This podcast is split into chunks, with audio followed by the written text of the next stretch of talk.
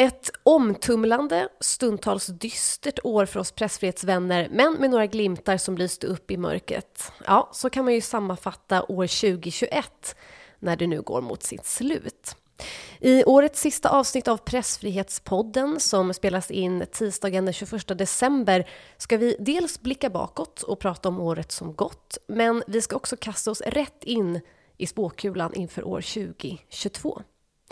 Jag heter Siri Hill och det här är Pressfrihetspodden.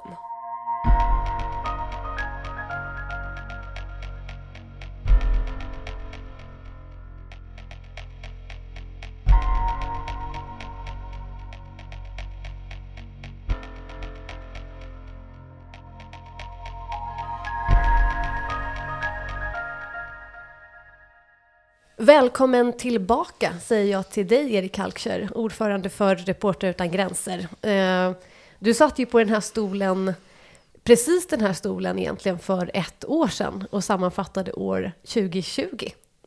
Hur känns det att vara tillbaka? Nej, men det känns ju jättebra. Eh, det var ju, jag tycker mig minnas att vi hade en dyster avslutning som vi försökte få till bra då. Det känns som att det kan bli en tungre uppgift i år kanske, men, men vi gör ett försök. Ja, vi gör vårt bästa. Eh, välkommen säger jag också till en podddebutant, Katarina Karlsson, verksamhetsledare för Reporter utan gränser. Hur känns det att vara med i podden? Det känns roligt att få sitta här med er och att vi sitter också på kansliet. Det här är ju lite av vår verksamhets hjärta. Eh, ja, så tack för att jag fick vara med idag. Jätte, jättekul att ha er båda med. Jag tänkte först börja med att fråga er om ni skulle lyfta något pressfrihetsrelaterat från året som gått. Vad skulle det vara? Ja, men det är, det är svårt att inte tänka Nobels fredspris till, till Maria Reza och, och Dmitrij Muratov. Det, det, det måste ju vara årets stora höjdpunkt för pressfriheten och, och dessutom väldigt positivt tycker jag. Mm. Vad tänker du Katarina? Nej, jag tänker detsamma. Vi satt ju här, du och jag Siri, på kansliet och eh, fattade nästan ingenting när de här namnen ropades ut eller nämndes och sen började telefonerna ringa helt hysteriskt. Det var bara att slänga sig rakt in i den glädjeyran. Men också, om jag får nämna en lite jobbigare upplevelse, rent ut sagt, det var ju naturligtvis Afghanistan. Vi kom tillbaks mm. från eh, semestern och tänkte nu ska vi starta upp lugnt och sen bröt helvetet ut för alla journalister och ja, för de flesta i Afghanistan. Mm. Eh, det bär jag med mig som ett sår, skulle jag vilja säga. Mm. Ja, jag håller verkligen med. Och om jag själv skulle lyfta något så är det ju den otroligt svåra situationen som ju pågår eh, och har pågått ett bra tag nu i Belarus där situationen för press och yttrandefrihet och för de oberoende journalister som jobbar, som vågar jobba kvar där, är helt eh, horribel. Men Erik, innan den här inspelningen av podden så mejlade ju du och jag och Erik Larsson, som också brukar programleda den här podden, eh, Eh, en del om årets händelser. Och jag frågade bland annat dig om det var någonting som du tyckte att vi skulle liksom trycka extra på under den här inspelningen. Och jag vill bara läsa upp en del då av ditt mejlsvar här. Du börjar med vårt arbete i Latinamerika, FLIP, Julian Assange, utvecklingen i Belarus, Myanmar, Nicaragua, Etiopien, Estonia, situationen för kvinnliga journalister, Nobels fredspris, David Isak, Afghanistan. Jag bläddrar till nästa sida här. Ehm, det här är ju en sjuk lista, egentligen. Ja, nej men det här är ju... Eh, liksom jag satte mig ner och började beta av vad vi gjort liksom under året och den här listan blev bara längre och längre. Och den röda tråden är ju att situationen för pressfrihet blir sämre och det som kanske är mest chockande tycker jag ändå är just de här, alltså Belarus som du själv nämnde, mm. Katarina nu Afghanistan eh, eh, och, och, i listan här finns ju Myanmar, Nicaragua, Etiopien. Vi ser hur det är så aktivt eh, motarbetar, man, liksom, auktoritära regimer som aktivt motarbetar journalister och pressfrihet eh, nästan öppet öppet, utan konsekvenser, utan att skämmas för det. Det är nästan det som, som är mest skrämmande. Va, va, vad tänker du tillåter att det är så? Varför är det så? Det är klart att vi alltid har sett den här typen av övergrepp, men eh, backar vi något år till tillbaka när Saudiarabien liksom, mördar och slaktar en journalist, Kamal Khashoggi, utan konsekvenser. Då är det ju klart att man som ledare i ett annat land tänker att ja, men det här har ju någon gjort före mig, jag kan göra det igen. Och David Isak suttit över 20 år i fängelse utan några som helst konsekvenser för den regimen i, i Eritrea. Så att det handlar mycket om straffrihet även på internationella planet för, för eh, makthavare och, och statsöverhuvuden och regeringschefer. Eh, s- som visar på att försvarare av mänskliga rättigheter och demokrati eh, behöver agera även liksom på den nivån, allra högsta nivån måste man ta hand om det här. Lättare sagt än gjort såklart. Ja, verkligen. Eh, jag tänker också på antalet fängslade journalister som ju är en av de högsta siffrorna på många, många år. Eh, och vi har ju också en kampanj som vi, vi har lagt ut nu i sociala medier där vi skriver att det finns 470 lediga journalistjobb att söka. Och det här är alltså så många som har fängslats. Berätta Erik, det är 100 mer än förra året. Vad är det som händer här? Ja, men det hänger ihop med det jag sa alldeles nyss och, och det är framförallt det är tre eh, tre kriser som, som gör att det här ökar så dramatiskt. Och det är Belarus där man har ett stort antal journalister i fängelse och som har suttit i fängelse under lång tid. Och så är det Myanmar där man efter militärkuppen för ganska, ja, i februari förra året, eller i år eh, eh, har också sedan dess fängslat många journalister. Och så Hongkong där, där, Kina nu har, in- där man med stöd av Kina infört nya lagar som gör det svårare för journalister och och då man också griper journalister. Och de här tre kriserna tillsammans gör att fängelserna fylls eh, globalt med mer journalister. Katarina, du jobbar ju som du sa på vårt kansli här på Solidaritetshuset i Stockholm och har ofta ett öga på hur våra kampanjer går i sociala medier. Vad, vad skulle du säga? Hur, hur, hur ser intresset ut för de här frågorna som vi driver och som ju blir allt viktigare? Jag skulle vilja säga att eh, intresset eh, är på topp och vi har medvind, vilket är ju ganska läskigt. Det beror ju på att det är en dålig situation. Men jag tror att framförallt eh, Nobels fredspris, nu det sista, har ju gjort det att vi har fått väldigt stort intresse. Men under året så har vi nästan, är det mer än dubblat våra följare på ja, Instagram i alla fall. Eh, Vi har nästan dubblat vår insamling utav, ja, när det gäller gåvor under i år från en i och för sig låg covid-nivå förra året, men vi är ju otroligt tacksamma för det. Så om de pengar vi kan samla in och den uppmärksamhet som vi får kan hjälpa journalister som är utsatta runt om i världen och i Sverige att få ett drägligare arbetsliv och eh, ett bra arbetsklimat, eh, ja då är vi förstås glada. Eh, Eh, förutom den här kampanjen så fastnade jag också för några andra siffror, nämligen 46 dödade journalister och 65 journalister som har tagits som gisslan.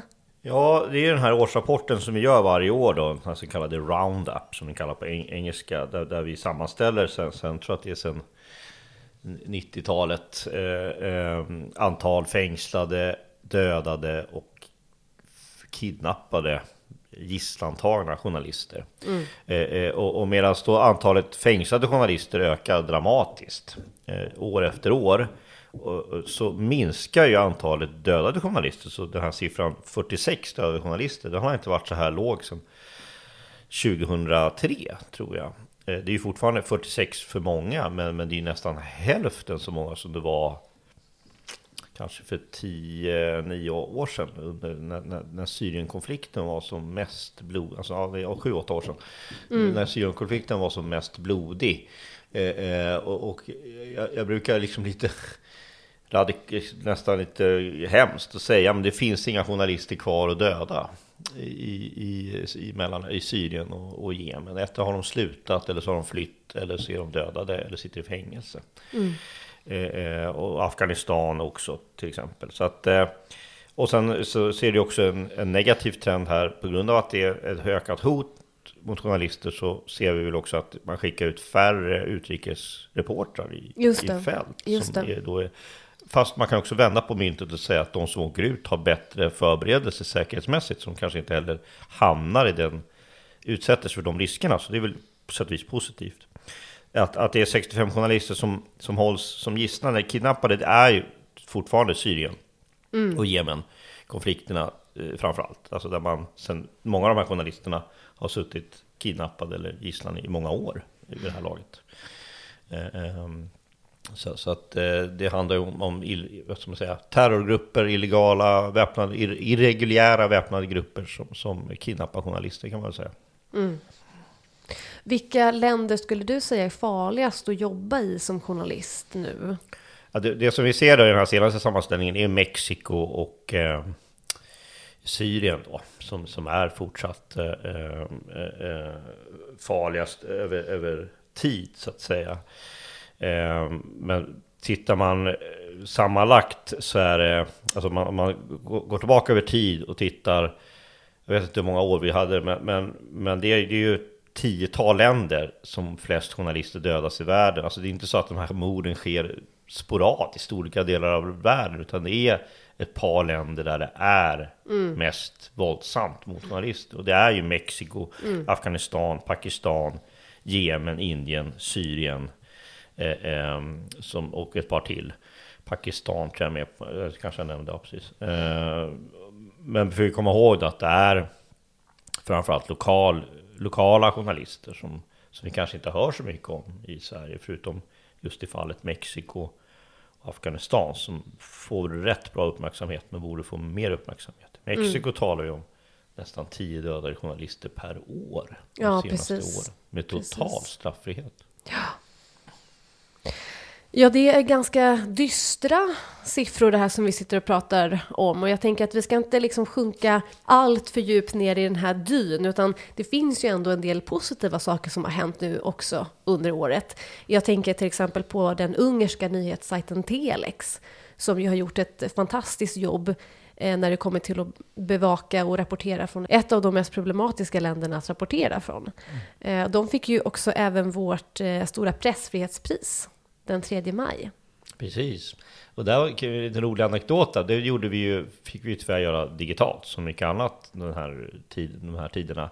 Så vi delade ut priset här, eh, här i huset eh, och Telex var med på länk. Mm. Eh, och sen fick de diplomet och priset på, ja, via korrespondens så att säga. Men sen så var jag i Paris med Katarina i oktober på årsmöte. Och i ett rum där så satt det ett gäng personer och så sa någon där, men där sitter ett besök från Ungern. Jaha, mm. så vilka är det då? Och så fick jag komma in där och presentera mig och de var alla lite blyga och lite, så ställde lite frågor sådär. Så när jag klev ut och kom en av de här killarna ut efteråt. Eh, sa, ah, ursäkta, ursäkta, så, kan, jag, kan jag ta kort på dig? Ja, vadå, sa jag. Du fattar ja, ingenting? Ja, men jag är ju från Telex och då kände jag igen honom. Han hade ju varit med på, på länk. Då är en, en, av de cheferna där på, på Telix. Och han eh, var så otroligt tacksam för dem. Vår, det är en liten sajt, ja, väldigt visst. ny, som skapades efter att Index, den, den stora oberoende nyhetssajten i Ungern, tvingades, de avgick hela 80 personer i redaktionen för att den nya ägaren som står premiärminister Viktor Orbán nära sparkade chefredaktören. Mm. Eh, och så alla avgick och så startade man en ny sajt, Telex. Och de har väldigt svårt med pengar. Och vår lilla prissumma i det här fallet hade ju då, och det här priset hade då tydligen orsakat en ström av gåvor. Så att Telex har ju tack vare vårt pris fått mer ekonomiskt stöd. Så han var ju så oerhört tacksam. Så han skulle ta en selfie med mig där vi, med kartan och, och sådär. Och det kändes ju väldigt kul att vi får sån, det får vi väldigt sällan med med pressfrihetspriset. Det var ju när, när Ismael Bojorquez var här från Mexiko var ju också väldigt stort. Att man kände att det här ändå var viktigt. Eh, men ibland så, så, kan man känna, särskilt när det är på distans, så är det svårt att få en känsla av vad det innebär. Men mm. det här var så mm. uppenbart att, att det var stort för dem och viktigt. Och det känns som att vi har gjort skillnad. Mm. Fan vad mäktigt. Ja, det var, det var jättekul. Uh, Katarina, du och jag var ju också med under den 3 maj när pressfrihetspriset delades ut. Vad tar du med dig från den dagen? Men jag tycker att det är dels den här glädjen att de fick priset, det är väldigt roligt. Men också att vi faktiskt behöver dela ut ett pris och stötta någon som är i ett land så väldigt nära oss. Det är mm. inte långt till Ungern och de har en otroligt svår situation. Och det är viktigt att lyfta det, att vi jobbar för journalister i Sverige, i Europa, jättelångt bort, men att vi kan inte ta pressfriheten för givet inom EU, i, ja, i vår närhet. Mm. Um, jag tycker vi fortsätter lite här på det positiva spåret. Det kändes lite skönt tycker jag. Um, ni nämnde ju båda det tidigare, det här med att eh, att eh, Nobels fredspris i år gick till två journalister. Och det var ju bara en så otroligt stark signal, tycker jag, om att just de här frågorna som vi jobbar med är så viktiga och eh, brännande just nu. Eh, och det var ju dels då den filippinska journalisten Maria Ressa eh, som har startat den oberoende nättidningen Rappler och sen också den ryske journalisten Dmitrij Muratov som bland annat har startat den oberoende tidningen Novaya Gazeta. Och jag tänkte faktiskt att vi skulle lyssna på en bit ur Maria Ressas Nobeltal. The last time a working journalist was given this award was in 1936. Awarded in 1935. He was supposed to come and get it in 1936. Karl von Ossietzky never made it to Oslo because he languished in a Nazi concentration camp. Dmitri and I are lucky because we can speak to you now. There are so many more journalists persecuted in the shadows with neither exposure nor support, and governments are doubling down with impunity. We are standing on the rubble of the world that was. And we must have the foresight and courage to imagine what might happen if we don't act now and instead please create the world as it should be more compassionate, more equal, more sustainable. To do that, please ask yourself the same question we at Rappler had to confront five years ago. What are you willing to sacrifice for the truth? Jag får ju rysningar när jag hör henne prata. Jag vet inte, vad, vad, vad känner ni? Absolut. Rysning och någon sorts eh, ja, glädje och jag, jag, blir också så helt eh, förstummad över styrkan som denna människa har. Hon har utsatts för så mycket, hon kämpar i sån motvind, men hon har ständigt detta leende på läpparna och hon bara, hon bara går på. Hon ger sig inte. Det ger rysningar. Vad tänker ja, du? Nej, jag, jag blev ju rörd när de fick priset eh, 8 oktober och jag blir rörd när jag lyssnar på det här. Eh, jag tycker det är oerhört, hon är otroligt duktig och sätter verkligen fingret på varför det här priset är viktigt och, och vad som, vad, vilket slags stöd och varför de behöver det här stödet. Eh, hon och Dimitri och alla andra journalister. Mm. Ja, hon är ju väldigt noga också i resten av sitt tal att prata om att de är ju bara två av många journalister som, som kämpar varje dag. Mm. Det tycker jag också är... Det blir en otroligt stark bild när hon beskriver att det är många som fängslas i tysthet. Liksom. Eh, eh, bara för att nämna Dimitri här, han höll ju ett helt annorlunda tal. Men han mm. sa ju också en viktig sak som Maria Reza aldrig sa han, han riktar ju liksom fokus på Antonio Guterres i FN och säger du, du är upp till bevis. Liksom, du, ni, måste, ni har lovat att ni ska hjälpa journalister och vi har inte sett det hända än. Han är ju väldigt tydlig i sitt tal också. Så att, eh, jag tycker de var väldigt duktiga båda två. Ja, det var ju helt klart en höjdpunkt under året i alla fall. Och en annan viktig punkt som du tog upp i din super, super, super långa lista, Erik, det var ju David Isak, eh, som fortfarande sitter fängslad. Eh, han har suttit fängslad nu i över 20 år och eh, ja, vad säger vi om det? ja, det är en sorg, Eh, det är en oro, det är naturligtvis för David Isaks nära en Ja, det är en sån smärta som man kan inte förstå, att ha en anhörig som man inte har fått höra ifrån i princip på 20 år. Vi tar ju fighten för David Isak på väldigt många plan, i rättsprocesser, i att skriva debattinlägg, att ha diskussioner med politiker. Vi lyfter frågan om David Isak och den andra svenska medborgaren som sitter fängslad i Kina, Gui Minhai. Mm.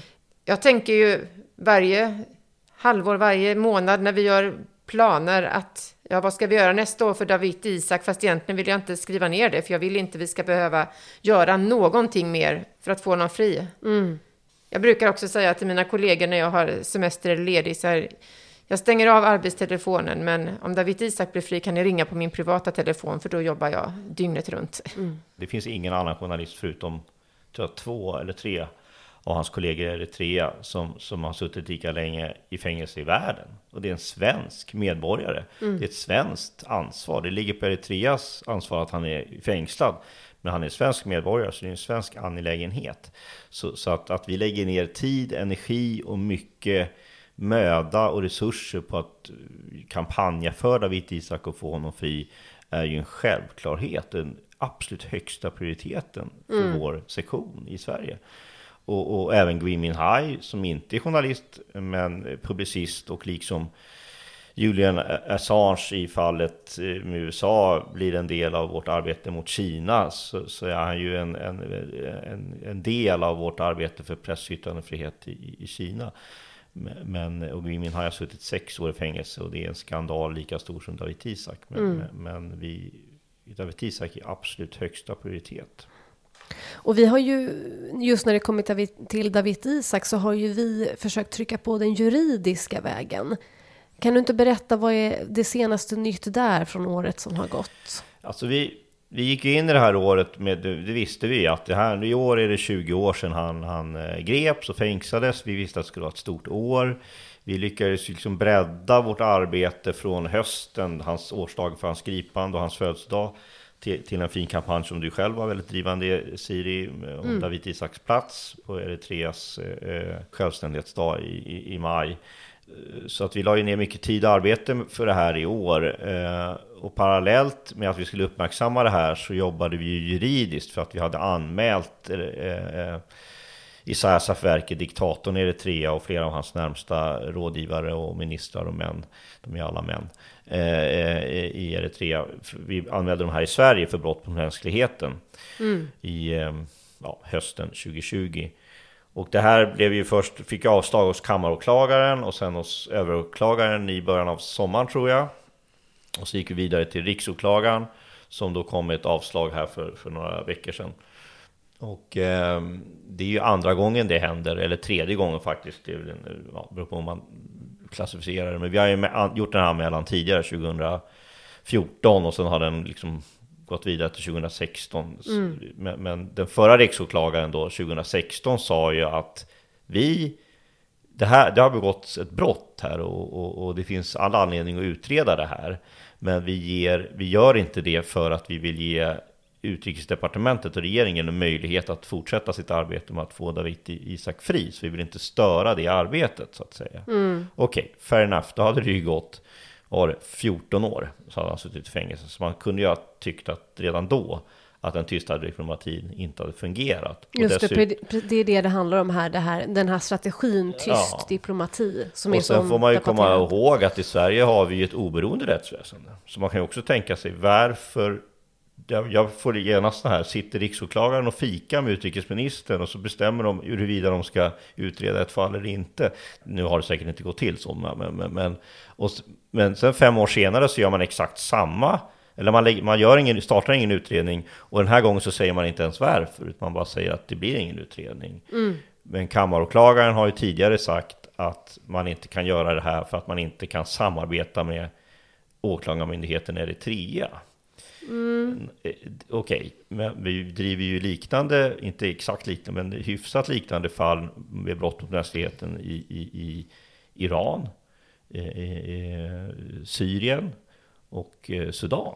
Och det är ju inte tre länder, framförallt inte Iran och Syrien, som jag tror att den svenska åklagarmyndigheten har någon form av samarbete eller dialog med, med den lokala åklagarmyndigheten. I Syrien är det dock kanske med den kurdiska myndigheten, så att det kanske finns någon form av samarbete. Men, men jag tycker inte att det är ett bra argument. Eh, och återigen så vill jag nog påskina att Sverige har ett oberoende rättsväsende och dessutom har vi omvärldens ögon på oss. I den här anmälan som vi gjorde nu senast så hade vi med oss ett gäng internationella människorättsjurister. En tidigare mottagare av Nobels fredspris, mm. en tidigare justitieminister, en tidigare högkommissarie för de mänskliga rättigheter, en tidigare domare för internationella brottmålsdomstolen i Haag. Alla de här tycker att svenska åklagare ska börja utreda det här fallet. Och på det så har vi en eritreansk utrikesminister och diktatorn Isaias Efwerkis närmaste rådgivare som reser ut och in i Sverige som de vill. Vi pratar om en av världens tuffaste diktaturer. Jag tycker det mm. väcker massor med frågor. Mm. Och vi, här... kommer, vi kommer naturligtvis ta det här vidare internationellt. Ja, precis. Mm. Vi fortsätter ju arbeta med, mm. med det här med full kraft mm. även framåt. Jag tänker att apropå fängslade och gripna journalister så tycker jag att vi ska dyka ner lite i också situationen i Belarus som vi pratade om i början av programmet. Det har ju aldrig varit lätt att vara journalist i Belarus egentligen, men sen då det riggade presidentvalet sommaren 2020 så har ju våldet och trakasserierna mot journalister eskalerat något grymt. Eh, jag arbetar ju nu med en rapport för Rapport utan gränser som handlar om situationen för exiljournalister just. Belarusiska exiljournalister som har på grund av sitt arbete i landet tvingats att fly och nu försöker överleva och fortsätta jobba som journalister i en helt ny kontext. Eh, och jag tänker att vi skulle kunna lyssna på den belarusiska frilansjournalisten och fotografen Tanja Kapitonova som beskriver sina upplevelser av att jobba som journalist i landet. Every time we were mm, making reportages uh, from protests, I remember um, this feeling when I read one more news that some of my colleagues is arrested and I feel shit once again. Yeah, and as for my personal experience, um, besides uh, this um, all the time fear, I would remember two cases uh, which were quite harmful to me. Uh, first happened on uh, on the next day of presidential elections. On August 10, I was uh, making photos um, in one of the places of protests, and mm. um, there was. Um, grenade uh, exploding uh, near me and uh, for several minutes I was deaf on my left ear. Yeah, and then there was this gaze uh, which uh, was harming my eyes. it was it was the first time I met something like that, and it was very unusual, I would say. In two days, I visited a doctor and uh, she said that um, something in my ear was uh, broken. Yeah, and uh, the second case is um, when I was making a photo reportage um, in May, in the middle of May, um, there was a small action of uh, demonstration uh, of uh, women. They went to the place where peaceful protests began and I made several photos, and on the next day, police came for me, and they didn't say their names. Uh, they just uh, grabbed me and took to a police station.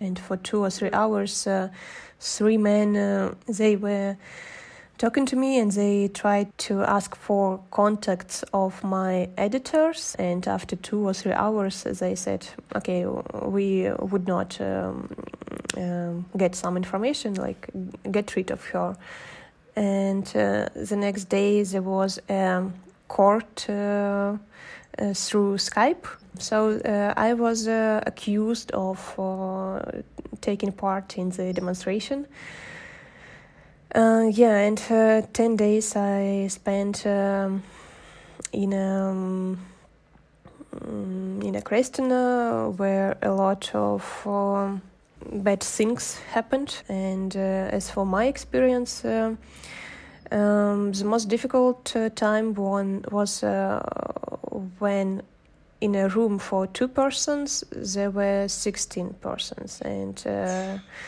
there were no mattresses, uh, no hygiene uh, products, uh, and uh, they did not give us um, uh, stuff which our relatives uh, tried to give us.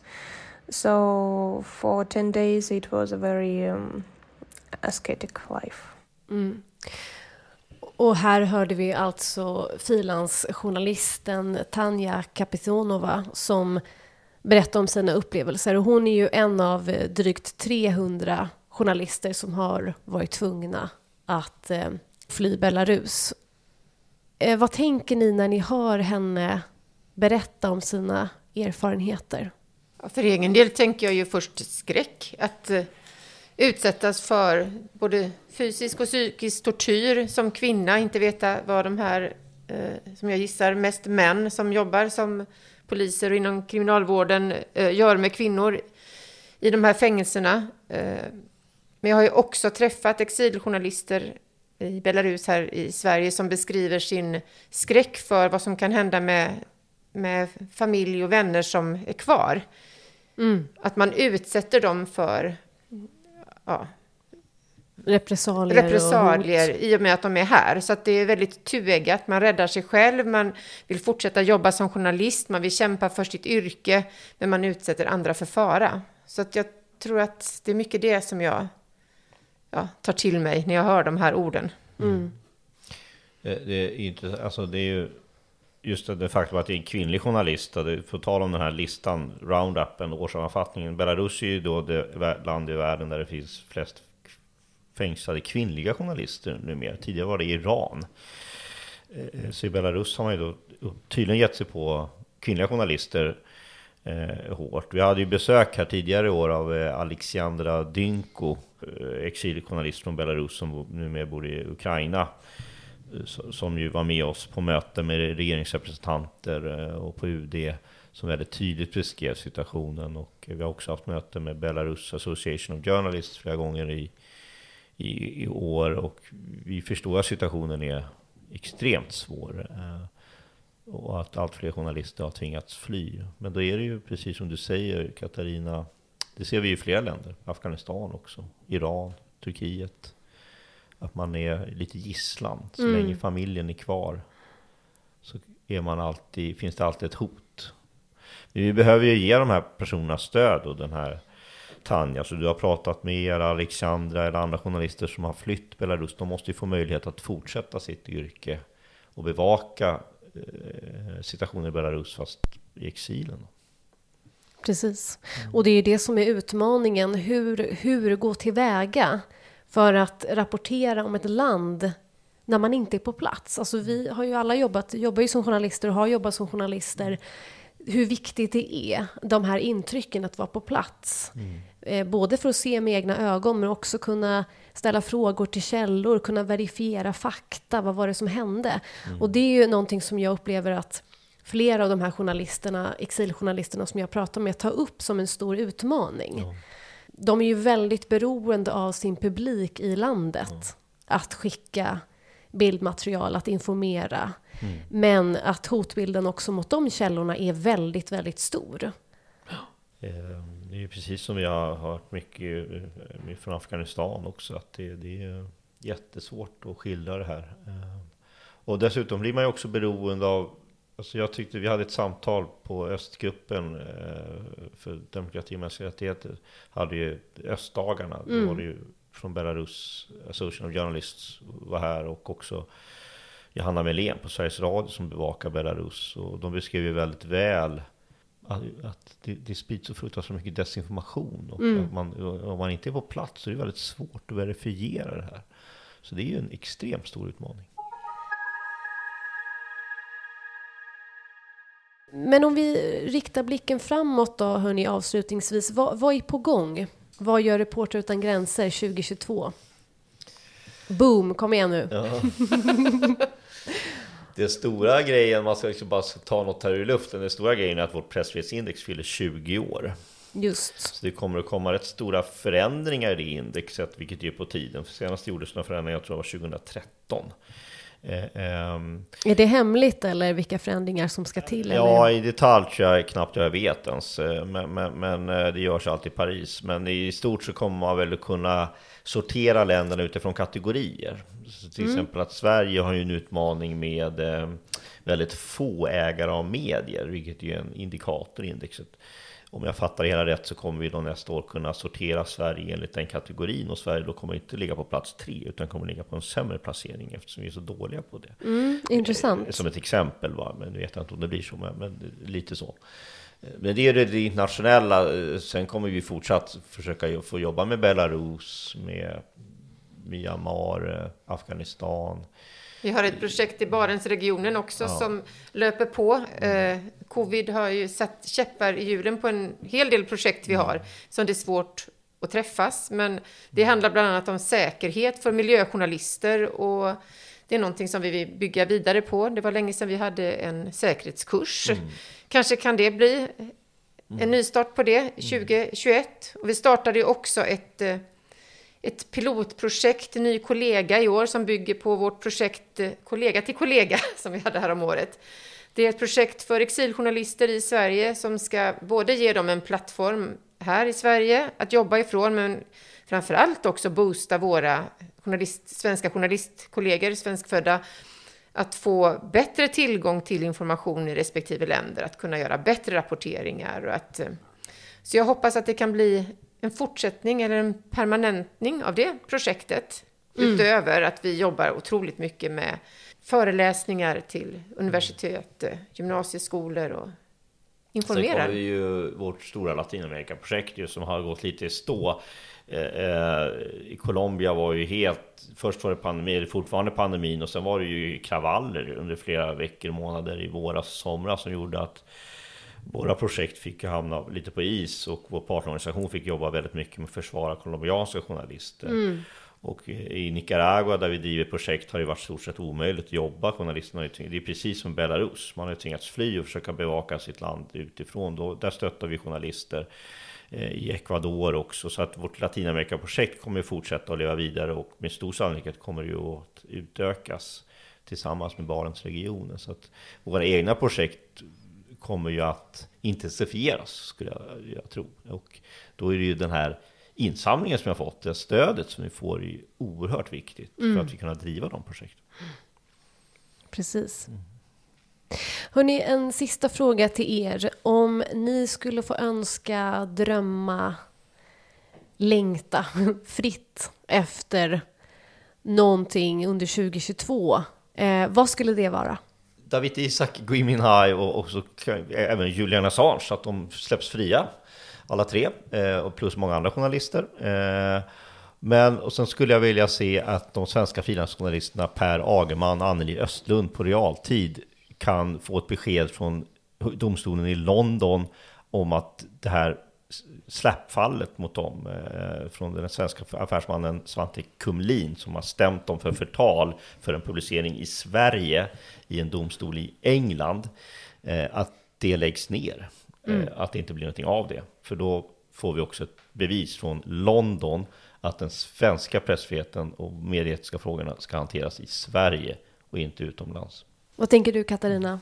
Ja, men det blir ju lite upprepning. Jag skulle vilja ha en stor fet fest här för frigivna fängslade journalister och att vi ja, men skulle kunna fokusera på att eh, stödja fria journalister istället för fängslade. Fest för David på gården här på Solidaritetshuset. Vi siktar på det hörni. Det gör vi. Ja. Stort, stort tack för att ni var med i Pressfrihetspodden. Tack Erik Halkscher, ordförande för Reporter utan gränser. Tack. Och tack också Katarina Karlsson, verksamhetsledare för Reporter utan gränser, för att du gjorde podddebut i Pressfrihetspodden. Tack för det. Stort tack också för att ni lyssnade på årets sista avsnitt av Pressfrihetspodden. Alla avsnitt hittar ni på vår hemsida reportrarutangranser.se eller där poddar finns. Jag heter Siri Hill och ni hör oss igen nästa år. God fortsättning och god jul!